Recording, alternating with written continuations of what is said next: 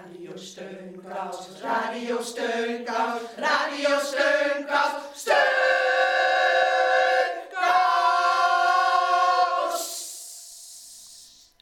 Heel hartelijk welkom bij Radio Steunkous.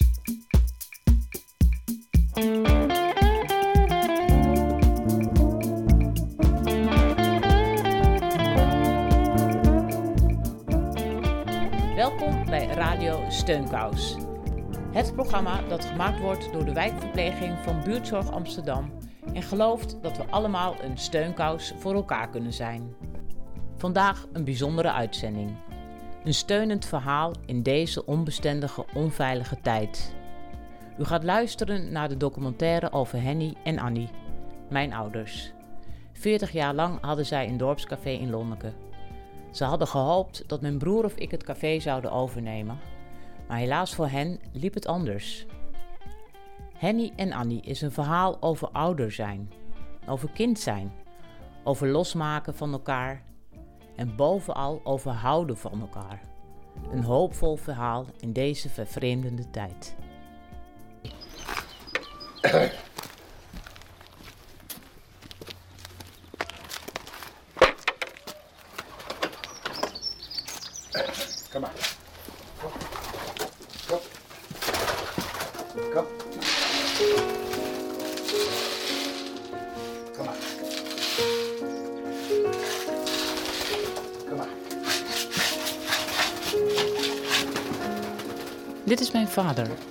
Henny Sprakel. Hij is 81 jaar. Hij heeft zijn hele leven in Londeker gewoond. Een Twents dorpje in de buurt van Enschede. Vroeger thuis hadden wij een heilig hartbeeld van alle dagen een kaarsje branden. Dit is mijn moeder, Annie Sprakel van de Zwaan. Een heilig hartbeeld heb ik niet. En ik heb, meer, of, ik heb ook wel vertrouwen in eh, onze lieve Heer. Maar ik heb vertrouwen in Maria en daarom stik ik elke dag een kaarsje bij Maria. Zij kwam uit de stad, Enschede. En ze is 71 jaar. Samen met mijn vader runde zij meer dan 31 jaar het dorpscafé van Lonneker. Café Sprakel. Oh, Leidje, wakker worden. Wakker worden, Adelijn. We gaan vandaag naar opa en oma. Wil dag naar opa oma. Ja, en wonen naar opa en oma. In Lonneke. En hoe heet oma? Annie. En hoe heet opa? Huh? Danny. Dit ben jij, Annelijn. Op oma zijn heel lief. Je bent nu twee jaar. Ik ga met de tuin. Mag ook met de tuin. Ja, dat is goed. Ja. Met jou woon ik in Amsterdam. Opa oma. Opa oma. Opa oma. Opa oma. Ik kan me nog herinneren dat gevoel van zondagochtend. Dit is Hans, mijn broer. Dat vader ons meenam om, eh, om eendjes te voeren bij eh met Lonneke Meer. Hij is één jaar ouder dan ik. Dat zijn ja, toch momenten die me heel erg bij zijn gebleven. Het is altijd een soort van, als ik daaraan terugdenk, altijd een beetje zo'n lentegevoel heb ik er dan bij. Hij woont ook in Amsterdam. Samen met zijn vrouw Britta en zijn twee zoontjes Liam en Finn. My name is Paul of Yahweh. I'm the father of Anna Line. I live in Amsterdam. En dit is Paul, je vader. Hij kwam uit Nigeria. When I'm very old, and I go back to Africa to to be buried in Africa because here it's too cold to bury a black man. Zes maanden nadat jij geboren werd, is hij bij ons weggegaan.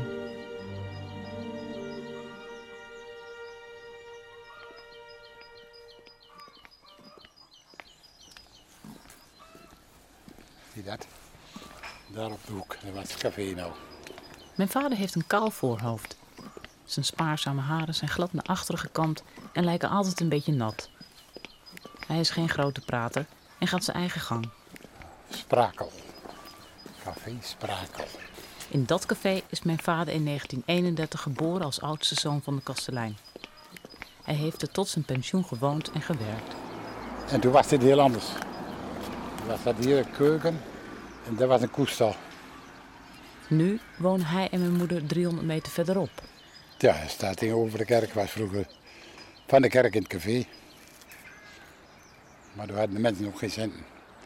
Kost een borrel, kost 5 cent. Hij heeft één grote passie: zijn postduiven. Al meer dan 50 jaar is hij lid van de plaatselijke duivenvereniging. Eigenlijk verzorgt hij zijn duiven iets te goed. Ze zijn een beetje verwend, want nooit won hij een prijs. Hoe ik pa leerde kennen. Dat was op de bruiloft van tante Annie en oom Gerrit.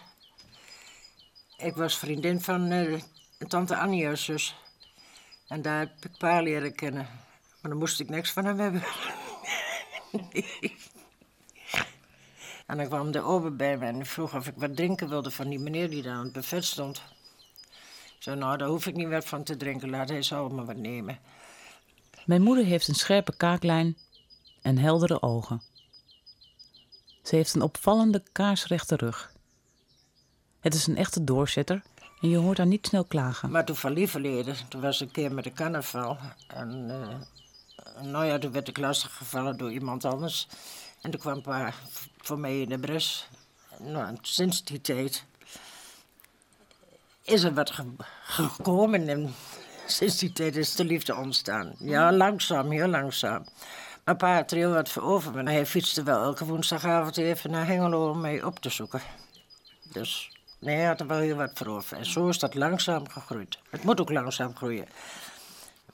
Als je zo in één keer verliefd wordt, dan kan het zo ineens ook weer over zijn. En je ging ook niet samen wonen. Natuurlijk niet. Ze trouwde met mijn vader toen ze 29 was. Zonder enige ervaring nam ze samen met hem het café over. We moesten wel eerst aan elkaar wennen. En toen we getrouwd waren, we trouwden ook nog bij opa thuis. Dus dat was ook niet zo gemakkelijk. We hadden uh, wel een eigen slaapkamer, maar verder hoorde, was alles van ons samen. opa zat de hele dag erbij. Met uh, eten, drinken. Oh, die eerste huwelijksnacht. Ja, dat krijg je als je dan een nieuw bed hebt. En je bent gewend om in de veren te slapen zoals pa dat gewend was. Kon hij s'nachts niet liggen, dan ging hij naar zijn oude slaapkamer om daar een kussen uit zijn bed te halen. En te volgende morgen toen zegt mijn schoonvader... Ach, onze jongen heeft ook nog niet lekker slapen, maar ik wilde hem ook nog van hij in een kamer gewoon. Maar hij had gewoon de kussen opgehaald. Ja. Mijn moeder is erg gesteld op regelmaat en ritme. Een van haar rituelen is de vaste gang naar de kerk op zondagochtend. Vooral Maria geeft daar veel houvast. Toen ik uh, opgroeide in uh, Lonneker was het eigenlijk een heel, was het de helft van wat het nu is. En uh, drie, vier straten met nog wat buitengedeeltes. En je was, als je drie passen maakte, stond je buiten Lonneker en dan, dan liep je voor mijn gevoel de natuur in. En een van de dingen die ik riep toen ik een jaar of acht, negen was, was ik ga avonturen beleven. En dat was uh, ja, vooral veel in, uh, in de natuur. het is ja, wel een veilige plek. Ik heb Hans nooit gezien als een oudere broer. Ik zag hem meer als een speelkameraad. Hij leerde me bijvoorbeeld hoe je de plaatselijke fanfare op stelte kon zetten. Met paperclips en elastiekjes schoten we op de blote benen van de muzikanten die verschrikt uiteensprongen. Ik ken ook het gevoel van de maandagen. Dat alle gordijnen weg zijn en in de was zitten.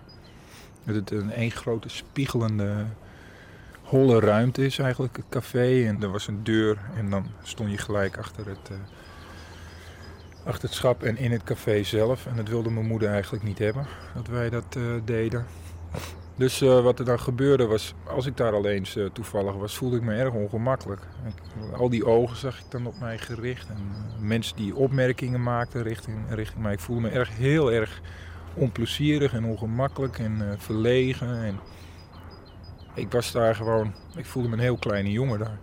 Ik kwam er niet graag. Het was een plek waar ik, waar, waar ik voor mijn gevoel denk ik niet zo zoek had. En als het al moest, ik weet wel dat ik omdat mijn moeder daar stond, uh, wel eens daar naartoe moest om haar wat te vragen. Of dat ik graag wilde dat ze naar achter kwam en deed die deur open. En dan was het een soort van uh, verschrikkelijke plankenkoorts dat je een toneel opstapt of zo. En al die mensen op naar je staan te kijken en het beeld van, uh, grote ogen en, en, en mond en zo. Ik voelde me totaal niet op mijn gemak als ik daar achter de bar stond. Ik hield wel van de drukte van het café. En ik hield mijn ouders dan ook vaak achter de bar. Het was voor mijn gevoel de enige plek in het dorp waar wat gebeurde. S'avonds, onder het eten, konden we soms lachen om de vele verhalen en laatste dorpsnieuwtjes. Alle klanten kenden ons en wij kenden alle klanten. Ik kan me niet herinneren dat ik onder hen ooit één buitenlander zag. De enige die in eh, de verre familie een beetje gestudeerd had, was, eh, was oom Henny. En daar werd toch altijd een beetje, een beetje naar gekeken als een vreemde eend. eh. Daar werd toch een beetje tegen aangekeken, ook door mijn eh, ouders van... eh, hm, doe maar gewoon, eh, doe je gek genoeg. En dat beeld, ik denk dat ze dat ook een beetje van... eh, dat, dat geen greep meer hebben op, eh, op wat je kinderen doen. Dat ze hun eigen weg gaan en waar je geen invloed meer op hebt. Dat je ze niet kunt vertellen van... Maar luister eens, dit is onze grens, dit is het dorp. Je ziet toch dat iedereen hier normaal doet en iedereen hier blijft wonen. En iedereen, eh, ook van jullie leeftijd, hier een baan zoekt. En, en studeren eigenlijk helemaal niet belangrijk is. En, en waarom wil je het café niet overnemen? En meer, dat, je kunt toch goed je boterham in verdienen. Waarom kun je niet gewoon eh, dat, dat doen waar wij van denken dat het beste voor je is? Dames en heren, goedemiddag. U bevindt zich in de Intercity-trein naar Amersfoort, Apeldoorn, Deventer, Almelo, Hengelo en Enschede. Oh jee, daar gaan we. U moet het fluitje. Daar gaan we. En nu gaan de deuren dicht. Daar gaat hij. Daar gaat hij. Daar gaat hij. Aan mijn poten. Een meisje. Dag Amsterdam.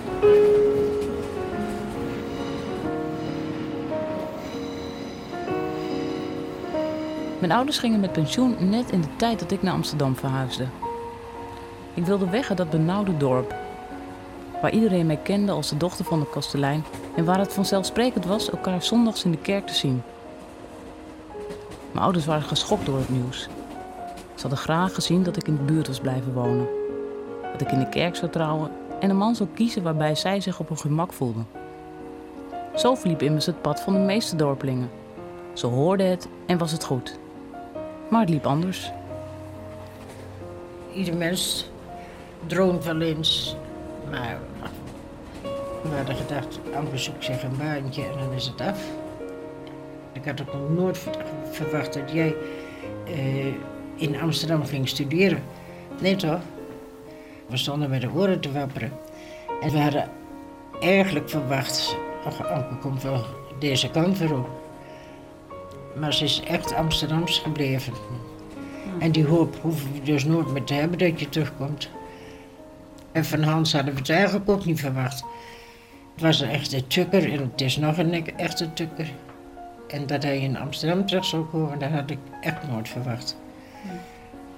Maar ja, echte dromen en verlangens heb ik gehad eh, toen ik in verwachting was dat jullie gezond geboren zouden worden. En dat is goddank uitgekomen. In Amsterdam kwam ik tot leven. Ik ontmoette er mensen die me meer aanspraken en inspireerden dan leeftijdsgenoten in Lonneke ooit gedaan hadden. Mijn ouders hebben mijn keuze voor Amsterdam nooit kunnen begrijpen. Ze hebben altijd een vreselijke hekel gehad aan het Westen. Westelingen in het dorp hadden immers een grote mond, waren ongenuanceerd en te vrij in hun doen en laten. En waar is er nog pijn? Zeg je? Waar is er nog pijn dan? Nog meer treinen? Ja. Misschien moet je hier kijken, deze kant. Misschien komen we deze kant meer. Aanvankelijk probeerden ze overbezorgd en angstvallig mijn gangen te volgen. Ik sloot me meer en meer af voor hen en vertelde niet over de dingen die me echt bezig hielden. Dat is een man. Ik kon hen niet duidelijk maken dat ik mij in het goddeloos Amsterdam thuis voelde. Dat is een man, mama. Manier. En maar weet je wie dat is? Dat is papa, die zat in jouw boekje. Dat is papa. Ja, Ja, dat is papa. ja dat is papa, hè? Ik leerde Paul vier jaar geleden kennen op mijn werk. En hij viel me gelijk op.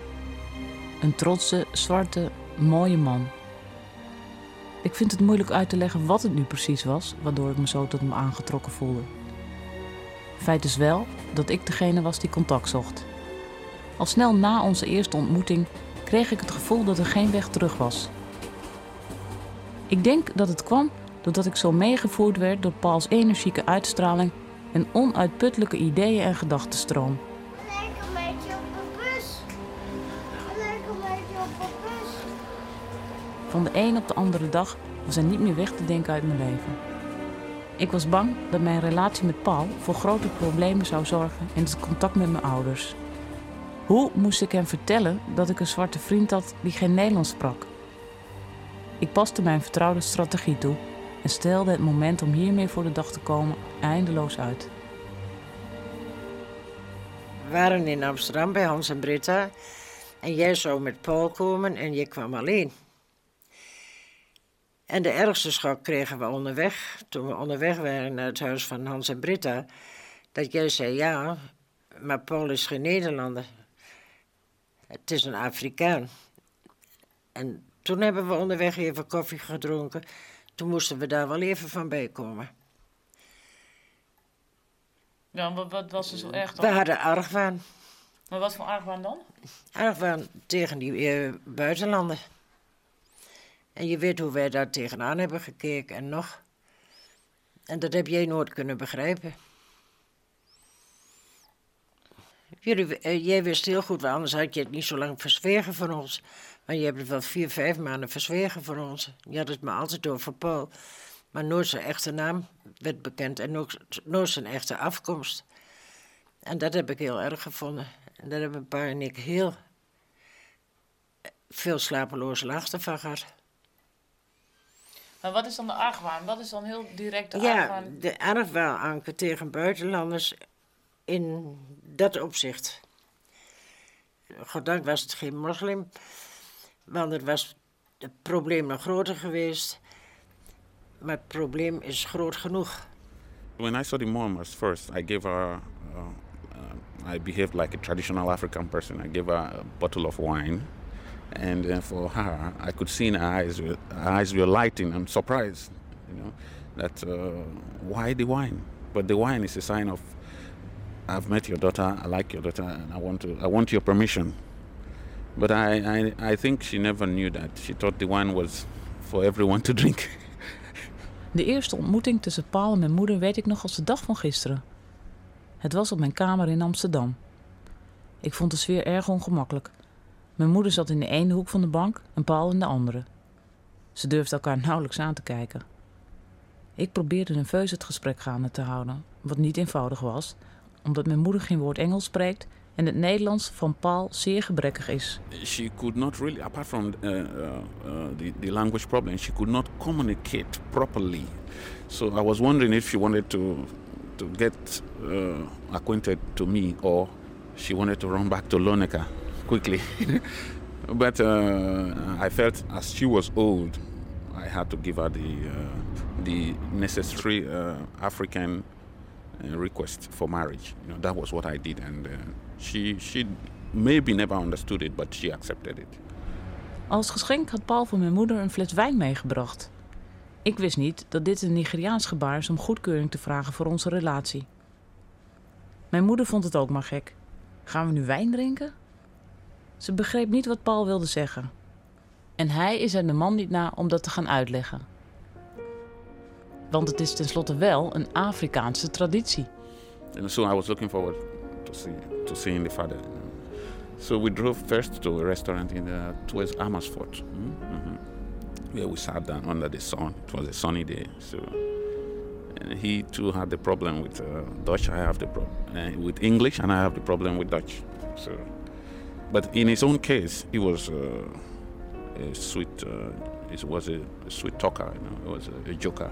So he was able to communicate, undermining uh, the, the problems of language. The father was able to communicate with me, body language, whatever. So it was a very good uh, meeting, and I was happy with that. Mijn vader leerde Paul kennen op een terras ergens buiten Amsterdam. Het was een zonnige dag en ik was opgelucht te merken hoe ontspannen het contact tussen Paul en mijn vader verliep. Hij bleek zonder dat hij Engels spreekt met Paul grappen te kunnen maken. Pratend met handen en voeten hadden ze de grootste lol. En ik merkte aan mijn moeder dat ze zich ook meer op de gemak ging voelen. Maar toch zag ik aan haar dat ze moeite bleef houden zich zonder woorden uit te drukken. Net als toen die eerste keer op mijn kamer in Amsterdam.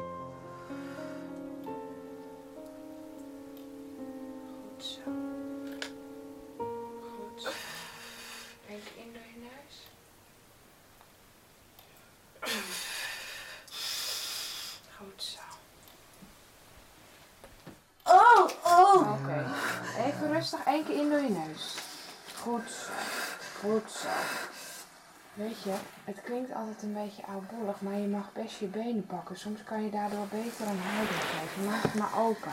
Doe je kin maar op je borst. Doe maar, doe maar, doe maar. Eén, twee. En go.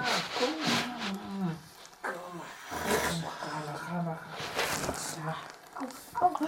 Wacht eens, wacht eens. Ja, ja, ja, ja, ja, ja, ja. Hier, pak eens, pak eens. Pak eens, daar komt een baby. Pak eens.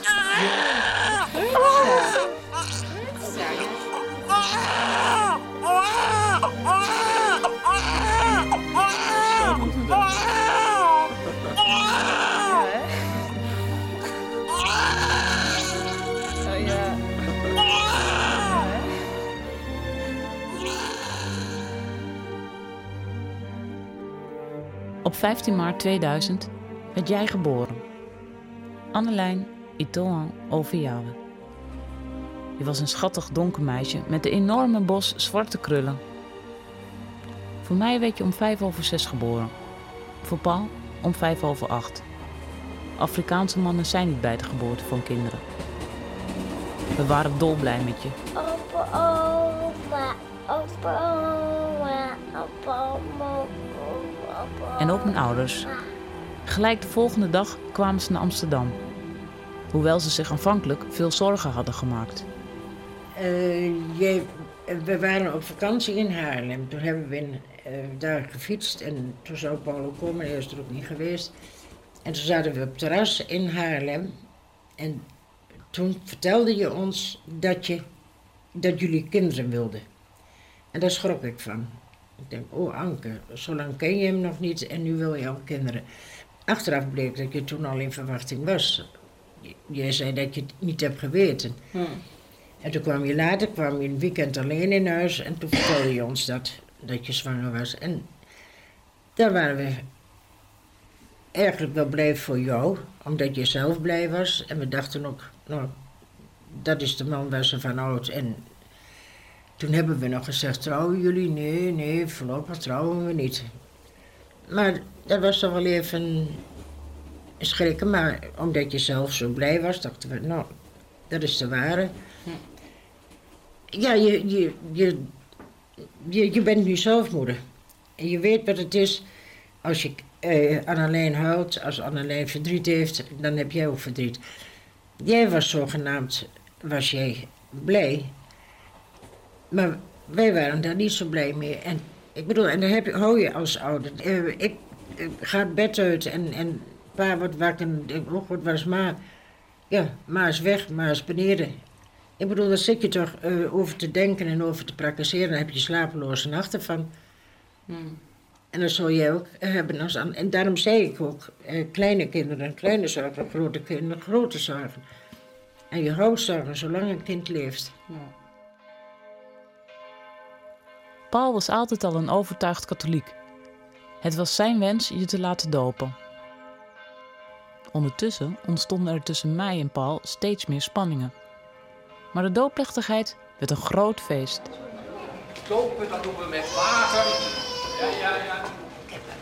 Met water word je gewassen.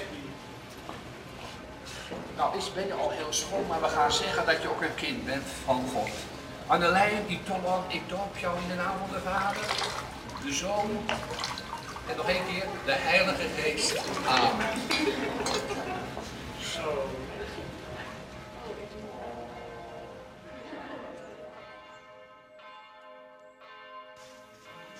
Heel indrukwekkend. Dat is heel mooi. Ja, het deed me heel erg veel. Echt waar.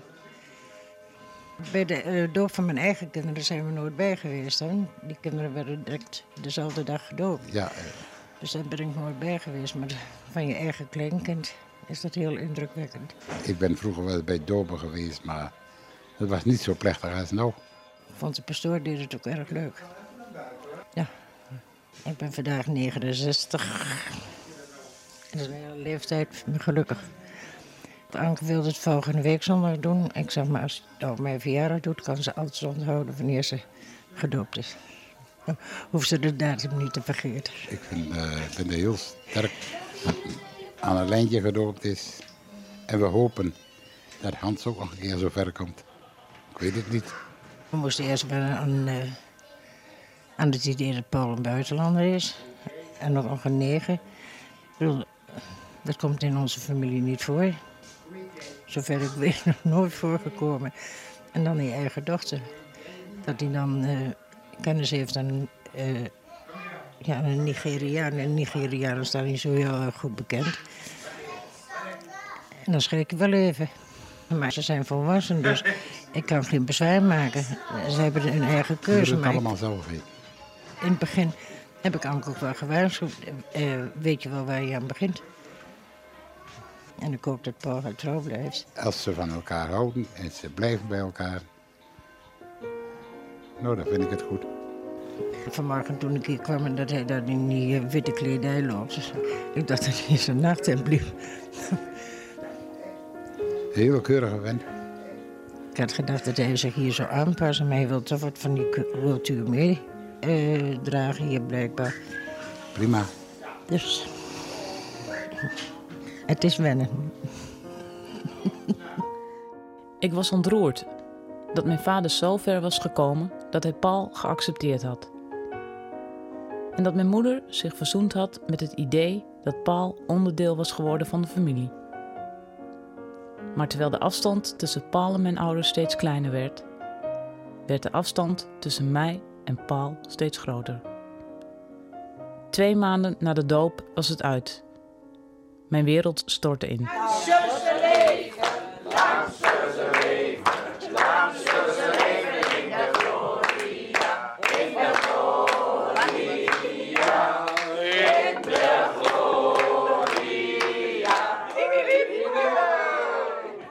Mijn ouders hoorden het nieuws twee weken voor hun 40-jarig huwelijk. Ze waren ontzet. In een feest hadden ze al helemaal geen zin meer. Onder druk van de familie lieten ze het toch doorgaan.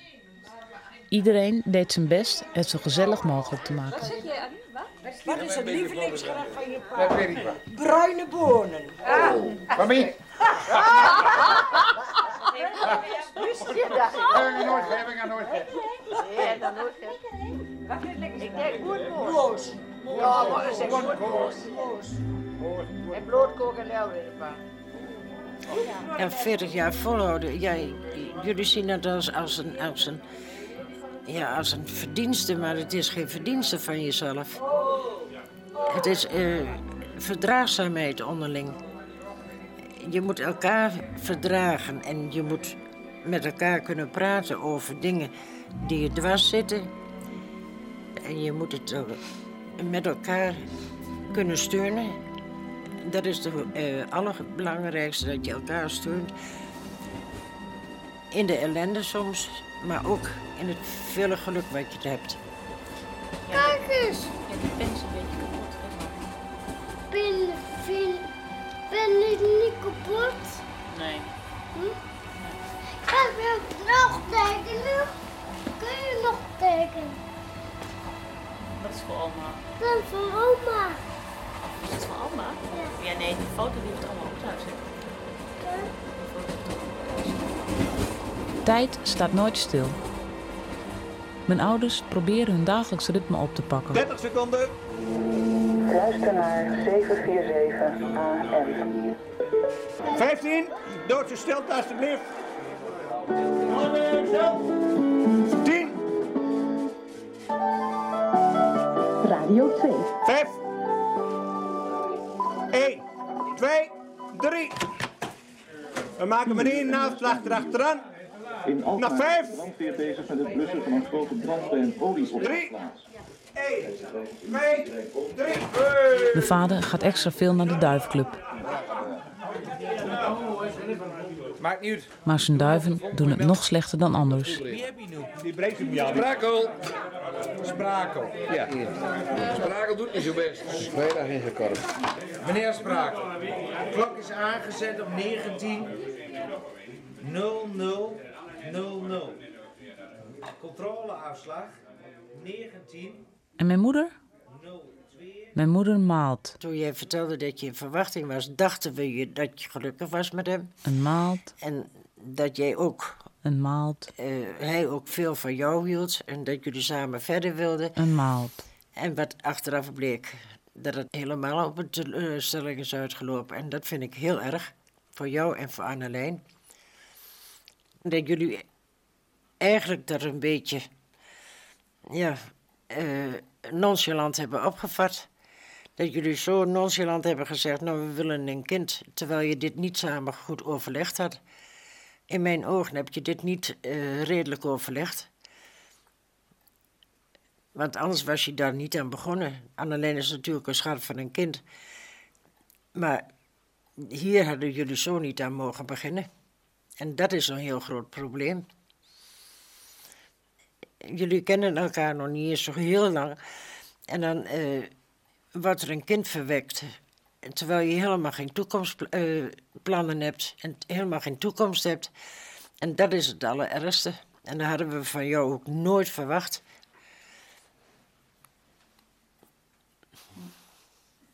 En daar zit je als ouders wel mee. En ik hoop dat het ook allemaal goed komt met jou en Annelien.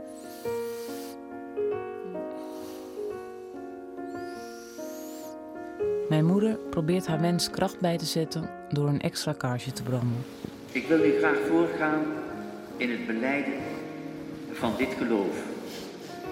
Ik geloof in God, de Vader van onze Heer Jezus Christus. Hij is de schepper van hemel en aarde, die alles in stand houdt en elke mens bij name kent. Hij wil niet dat wij sterven, maar leven. Wij geloven in God, onze Vader. Hij wil niet dat wij sterven, maar leven. Mogen hij zichtbaar worden in daden van oprechte liefde. Ach ja, daden van oprechte liefde. Yes, uh, I left because of, uh, I think, the in, irreconcilable difference, you know, that uh, I could not contend with. I don't. One of the primary differences, I don't know how to cook, and uh, I've been spoiled by you know, by my family earlier, not knowing how to cook. And Anke is, uh, is more of a high-tech Western woman. So she she's very busy at work and uh, she doesn't have time to to prepare uh, these things for me.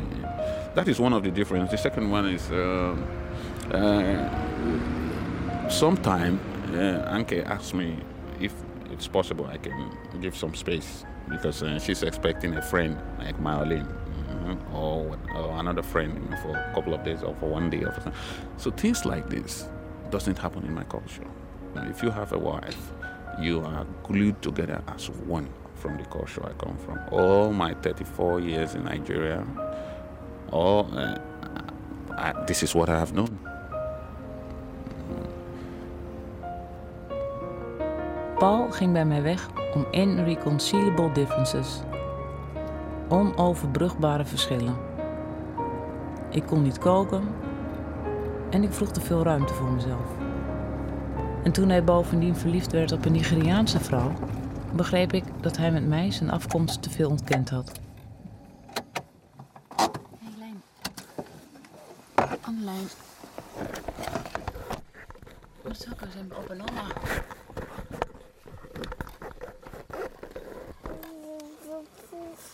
Wat zeg je? Hè? Ben je nog een beetje moe? Kijk eens thuis. Kijk eens, oma.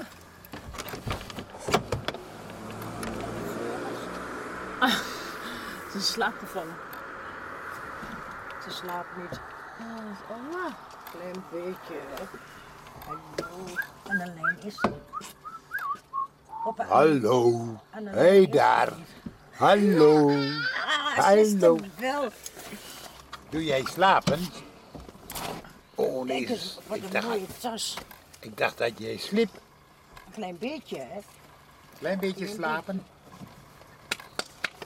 Oh, kom maar. Kom maar hier, kom maar. Nou, ik neem de rest wel mee, man. Nee, nee, nee. Oh.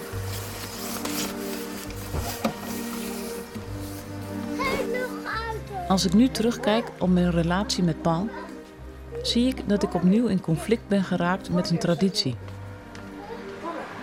Ik verliet Lonneker omdat ik mij niet wilde schikken in een veilige, voorspelbare levensloop.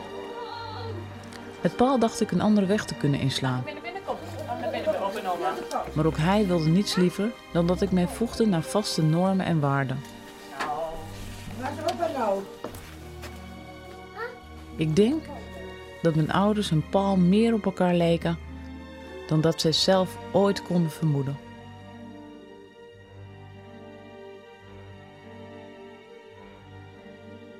Ja, tante Minnie was hier en die zei van een meisje wat eh, voor de KRO dat Ketsa Picture eh, brengt. Dat is ook een eh, Nigeriaans meisje van, en heeft ook een Nederlandse moeder. Ik denk, oh, zo zal ze eruit gaan zien. Ja, ik denk wat voor kleur zal het worden. Maar valt me naar haar met. Als ze zo schat was geweest als Paul, ja, maar, Ja, dat is zo donker als dat Paul. maar daar heb ik ook wel over gepraktiseerd. Zou zij het niet moeilijk krijgen nu zij dus eh, Maar een kleurlinge is in deze maatschappij, want de maatschappij wordt steeds harder. En maar daar hebben jullie niet aan gedacht. Ik bedoel, het is een schat van een kind, maar ik bedoel, eh, als ze ouder wordt en, en de maatschappij is zo bikkelhard. Je weet toch nu zelf hoe vaak of het gebeurt dat ze eh, mensen eh, om een ras discrimineren. En ja, ik weet niet of dat op de duur erger wordt. Hm. Daar moet je natuurlijk ook rekening mee houden. Nou, nou. Zoals in Duitsland bijvoorbeeld, daar worden echte negers, die worden daar gewoon gediscrimineerd met leven. En die worden dan in elkaar geslagen en, en nou, en dan denk ik wel eens, nou nou, als haar dag te wachten staat, dat zou niet goed zijn. Nee.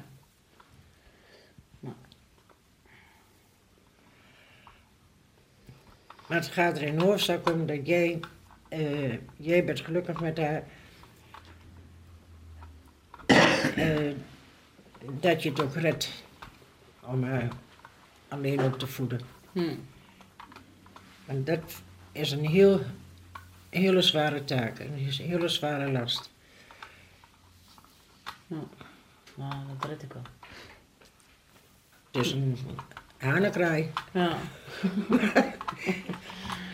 Van het kind, ja. jij hebt gek met opa. Ja. En even gek met de duiven. Ja. En de duifjes kijken.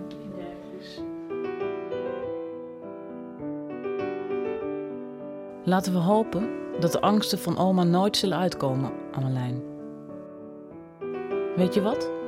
We vragen oma of ze een extra kaarsje wil aansteken. En we vragen opa of hij zijn mooiste duif voor je wil laten vliegen. Rustwijs. Nog even bidden. Moet je nog even bidden? Lieve Heet, ik ben zo moe. Ik doe beide oogjes toe. Houd op deze nacht overlijnd je trouwde. Wacht, goed zo, je kent het al goed, hè? Je bent al een heel groot feestje, hè? Wat is er nou? Niet weer doen, dan valt de speer weg. Tjus. Tot morgen. Wat gebeurd is, is gebeurd. Jij houdt van opa en oma en van de duiven. En zij, zij houden van jou. Ik ben ook niet zo'n prater. Dat zijn wij in Londen niet zo gewend. Maar ik hou van mijn vader en moeder. En Annelijn. Ik hou van jou. U hebt geluisterd naar Henny en Annie, een documentaire van Anke Sprakel en Marjolein Onvlee. Geluid Leo Knikman.